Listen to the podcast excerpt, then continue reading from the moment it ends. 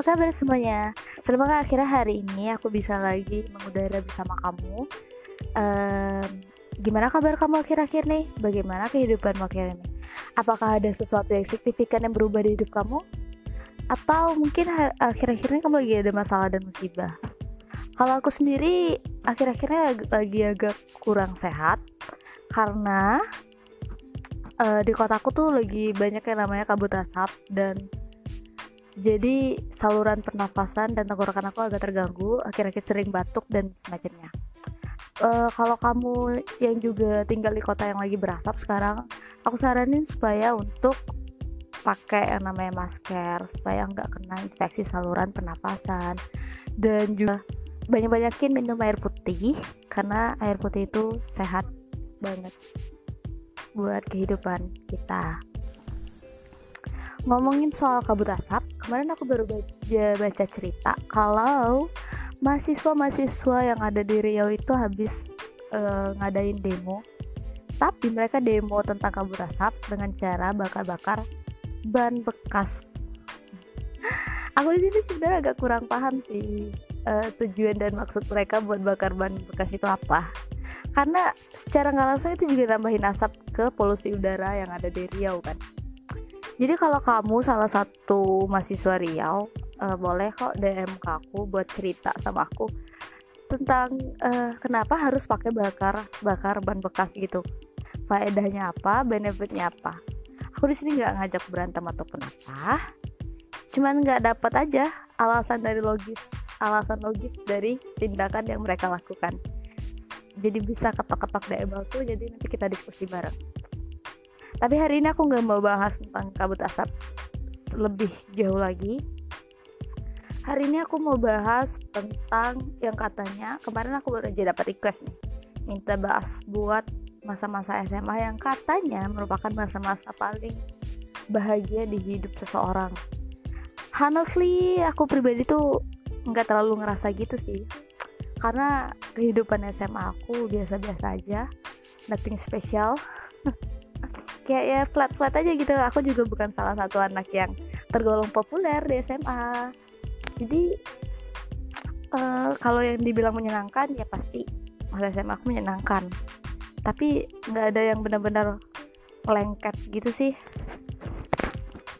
Dan akhirnya kemarin uh, buat yang follow Instagram aku pasti tahu kalau kemarin aku udah naruh question box di Instagram nanyain tentang pendapat-pendapat mereka tentang masa-masa SMA mereka. Dan juga di Twitter ada juga Nah, makanya sekarang aku bakal bahas tentang Oke, okay, uh, eh, jadi aku hari ini bakal ngebahas tentang semua respon-respon yang udah aku terima dari followers-followers aku, dari teman-teman aku yang ada di Instagram dan juga Twitter.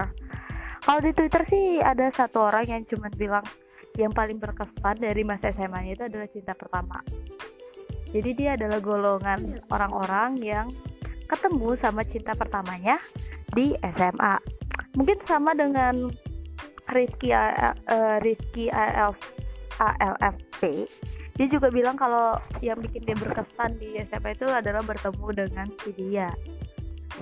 Ini lucu sih karena banyak juga orang yang ini ada aku pernah dengar mitos kalau siapa tahu jodoh kamu nanti adalah salah satu dari orang yang kamu temui di SMA kamu kebanyakannya kayak gitu kebanyakan. Tapi kan kita belum tahu jodoh siapa yang tahu sih gitu. terus yang kedua itu dari Maya Octavia. Dia bilang ini agak gaji sih responnya. Dia bilang cuman yang paling berkesan di SMA itu yang itu tuh. Yang itu tuh tuh tuh tuh, tuh, apa? Nggak ngerti aku tapi udah lewatin aja. Yang ketiga itu ada dari Francisca Olivia. Dia bilang kalau waktu SMA dia sering ketemuan ini kita nggak tahu nih ketemunya tuh dari dalam versi baik atau nggak baik. Ada ya kalau zaman SMA itu ketemuan di diem sama sama uh, cowok yang beda kelas atau mungkin misalnya beda sekolah di belakang sekolah atau di luar sekolah kayak gitu. Atau ada juga nih orang yang ketemuan sama uh, itu buat berantem. Tuh sering tuh dulu tuh. Kayak uh, ketemuan di belakang WC, belakang sekolah buat berantem. Uh, ya, aku juga merupakan salah satu orang yang pernah kayak gitu.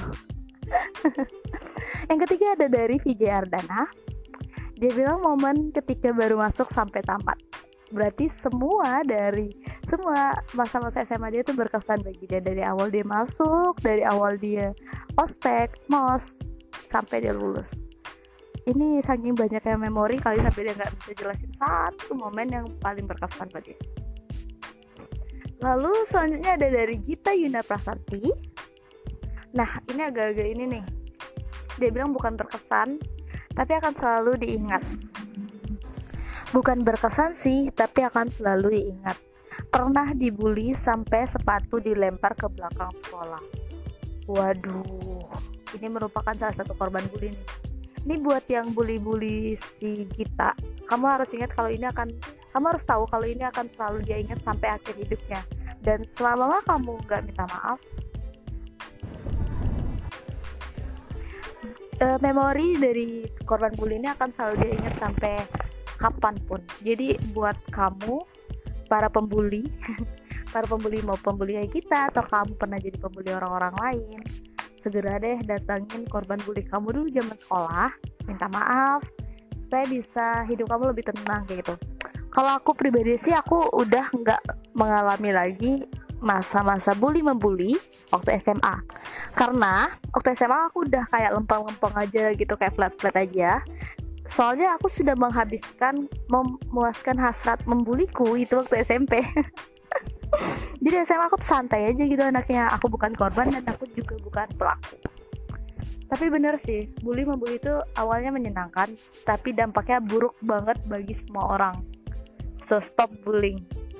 So stop bullying and start loving your friend. Uh, jadi buat teman-teman yang mungkin masih SMA yang dengerin aku gunakanlah masa SMA kamu tuh sebaik mungkin. Jangan kamu habiskan dengan membuli orang lain. Karena siapa tahu nih nanti korban bully kamu atau teman yang kamu bully adalah orang yang bakal kamu butuhin banget di masa depan. Siapa tahu dia lebih sukses kan dari kamu Oke okay, next. Ada dari teman aku sendiri teman aku waktu SMA ada Rizka Widyaningsi dia bilang yang paling mengesankan itu adalah alat detektif kebohongan. Nah ini ada ceritanya nih. Jadi dulu aku bertiga sama aku Rizka dan satu teman aku Nurhai. Eh nggak bertiga sih satu kelompok. Itu bikin project kita bikin satu alat yaitu alat pendeteksi kebohongan dan ya itu butuh waktu sekitar dua bulanan ya. Kita beli bahan-bahan kita cari teori dan segala macamnya. Kita benar-benar bikin alat itu sendiri. Itu buat pelajaran fisika. Dan uh, lumayan berhasil walaupun masih ada minus-minusnya tapi bisa kok buat deteksi kebohongan. Jadi sempat waktu itu dipakai sama teman aku yang pacaran buat deteksi pacaran itu bohong apa enggak. Dan sekarang kita udah nggak tahu sih alat itu udah ke mana karena sebenarnya alat itu belum terlalu sempurna dari segi penampilan. Fungsinya juga masih ada yang harus diperbaiki. Tapi itu menyenangkan karena kita belajar menjadi seorang penemu belajar buat bikin sesuatu. Seru banget sih. Next ada dari Hahani Ad, uh, dia bilang dia dulu ngerayain ulang tahun yang ke-17 waktu SMA ngundang satu kelas tapi yang datang cuma lima orang. Aduh serius ya kalau aku jadi Stefani ini kayak sakit banget sih ini emang teman-teman yang kelasnya kenapa gitu loh nggak mau datang ke pesta ulang tahunnya Steph? Kita nggak tahu ya. Tapi kalau ngomongin ulang tahun ke-17an juga eh kalau ngomongin SMA juga berkaitan sama yang namanya Sweet Seventeen. Aku pribadi waktu itu ngerayain Sweet Seventeen nggak dipestain sih sebenarnya nggak dirayain. Cuman ya dapat surprise party gitu sih dari teman-teman. Dari waktu itu aku punya pacar juga jadi dapat party dari pacar dan teman-teman. Dan lumayan berkesan. Jadi lumayan berkesan sih. So buat staff uh, jangan sedih deh. Jangan sedih karena kamu bisa ngerayain karena umur kamu berapa? 21 ya? Kamu bisa ngerayain sweet 20 mungkin? Eh sweet 22 nanti.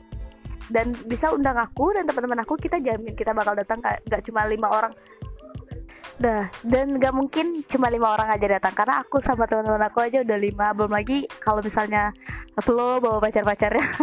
Nafa buat gebetan gebetannya oke stop. Kita tunggu undangannya. Next ada dari Sanjaya Sanjaya Wahyu ini ada kelas aku junior aku. Dia bilang oh, yang berkesan waktu dia itu pas mau UN tiap malam keman buat belajar sama teman-teman. Sampai larut banget masa. Jadi rindu waduh. Jadi sekarang emangnya lu nggak pernah belajar sampai malam lagi apa gimana sih? Kenapa sih cuma belajar waktu mau UN ini ini adalah penyakit dari semua pelajar sih. Ini penyakit dari semua pelajar karena mereka cuma mau belajar ketika mau ujian doang. Setelah selesai ujian atau setelah nggak lagi ujian mas balesan belajar ya nggak ngerti aku sama belajar lalu ada dari Mary Pus dia dulu waktu SMA dia dulu sering dikira polos padahal sebenarnya enggak nih aku yakin. Karena sebenarnya Mary itu nggak ada polos-polosnya sama gak ada kalem-kalemnya mungkin karena efek mukanya yang kan kali ya. Dia dikira polos tapi sampai sekarang mungkin orang kalau pertama kali ketemu kamu Mer orang pasti masih kira kamu polos banget sih. Orang nggak bakal nyangka kalau kamu tuh segesrek itu. Uh, selanjutnya dari Q Rasta. Ini banyak banget serius Q Rasta banyak banget serius. Dia ingat dulu pas dia sering tidur waktu ujian bahasa Inggris. Waduh ini tipe-tipe manusia. Pintar bahasa Inggris sih kayaknya orang ujian dia tidur. Lalu dia main domino pas belajar biologi. Protes ke Capsek tentang pelajaran kesenian yang merepotkan dan didengar sampai tuh guru nggak masuk. Jahat lu pada. Lalu dia sering izin fotokopi padahal aslinya keliling-keliling makan ketoprak dan nangkring di SMA lain. Ini faedahnya apa bang? Kamu pergi ke SMA lain tuh apa faedahnya bang? Kalau kamu izin dan keliling-keliling mah aku masih masuk akal ya. Kalau kamu nongkrong di SMA itu apa? Uh, tapi kalau ada tapinya. Dari semua bad yang dia ceritain tadi ada tapinya. Kalau dia pernah oh kalau tim dia pernah menangin pensi masuk final final futsal dan beberapa anak kelasnya. Beberapa anak kelasnya jadi wakil paskibra provinsi dan perwakilan olimpiade ke provinsi dan tap MPR keren keren. Jadi uh, jadi uh, dari Kiurasta dari Bang Kiurasta ini mencerminkan dua hal. Kalau keburukan dan kebaikan harus harus seimbang loh. Jadi kita bisa ngelakuin hal yang buruk tapi kita juga harus membuktikannya dengan satu hal yang baik yaitu prestasi-prestasi. Mungkin ini yang terakhir uh, yaitu dari Korea Verta. Korea Verta bilang yang paling berkesan di SMA dia itu adalah dia ditembak sama pacar yang sekarang pada hari Sabtu tanggal 15 2014 dan dia langgeng sampai sekarang. Ada cerita kayak gini nih sebenarnya relate banget tau sama aku relate banget sama aku karena aku tuh juga aku juga mengalami hal itu saat itu. Aku juga ketemu pacar. Uh, bukan pacar ya uh, aku juga ditembak saat itu dan langgang langgeng tapi sayangnya aku selesai duluan baru beberapa bulan yang lalu. Semoga Kori nggak kayak aku ya. Semoga Kori langgeng terus sampai ke jenjang yang lebih serius ke depannya Well guys, itu adalah beberapa respon-respon beberapa kisah-kisah yang paling berkesan di masa SMA dari teman-temanku, dari followers-followers aku. Kalau misalnya ada yang mungkin gak aku bacain, boleh kamu DM aja. Atau mungkin kamu pengen aku bahas sesuatu yang beda nih bahas sesuatu yang lain bisa DM ke aku di Instagram atau di Twitter.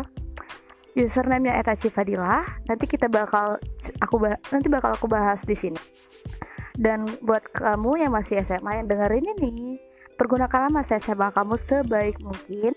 Jangan sampai kamu menyesal di kehidupan kamu selanjutnya gara-gara satu langkah kecil yang berdampak besar yang kamu lakuin di waktu SMA kalau aku pribadi uh, eh ya juga aku menyampaikan kan siapa tahu nih SM, SMA ini adalah satu langkah yang mungkin akan uh, apa sih punya yang akan nentuin jalan kamu kehidupan yang lebih besar selanjutnya kayak aku sendiri aku uh, aku bisa sampai ke titik ini karena satu langkah kecil yang aku lakuin waktu SMA jadi aku uh, tahu kalau aku tertarik dan mempunyai potensi di bidang broadcasting itu waktu SMA jadi uh, waktu SMA itu dulu aku sering dengerin radio.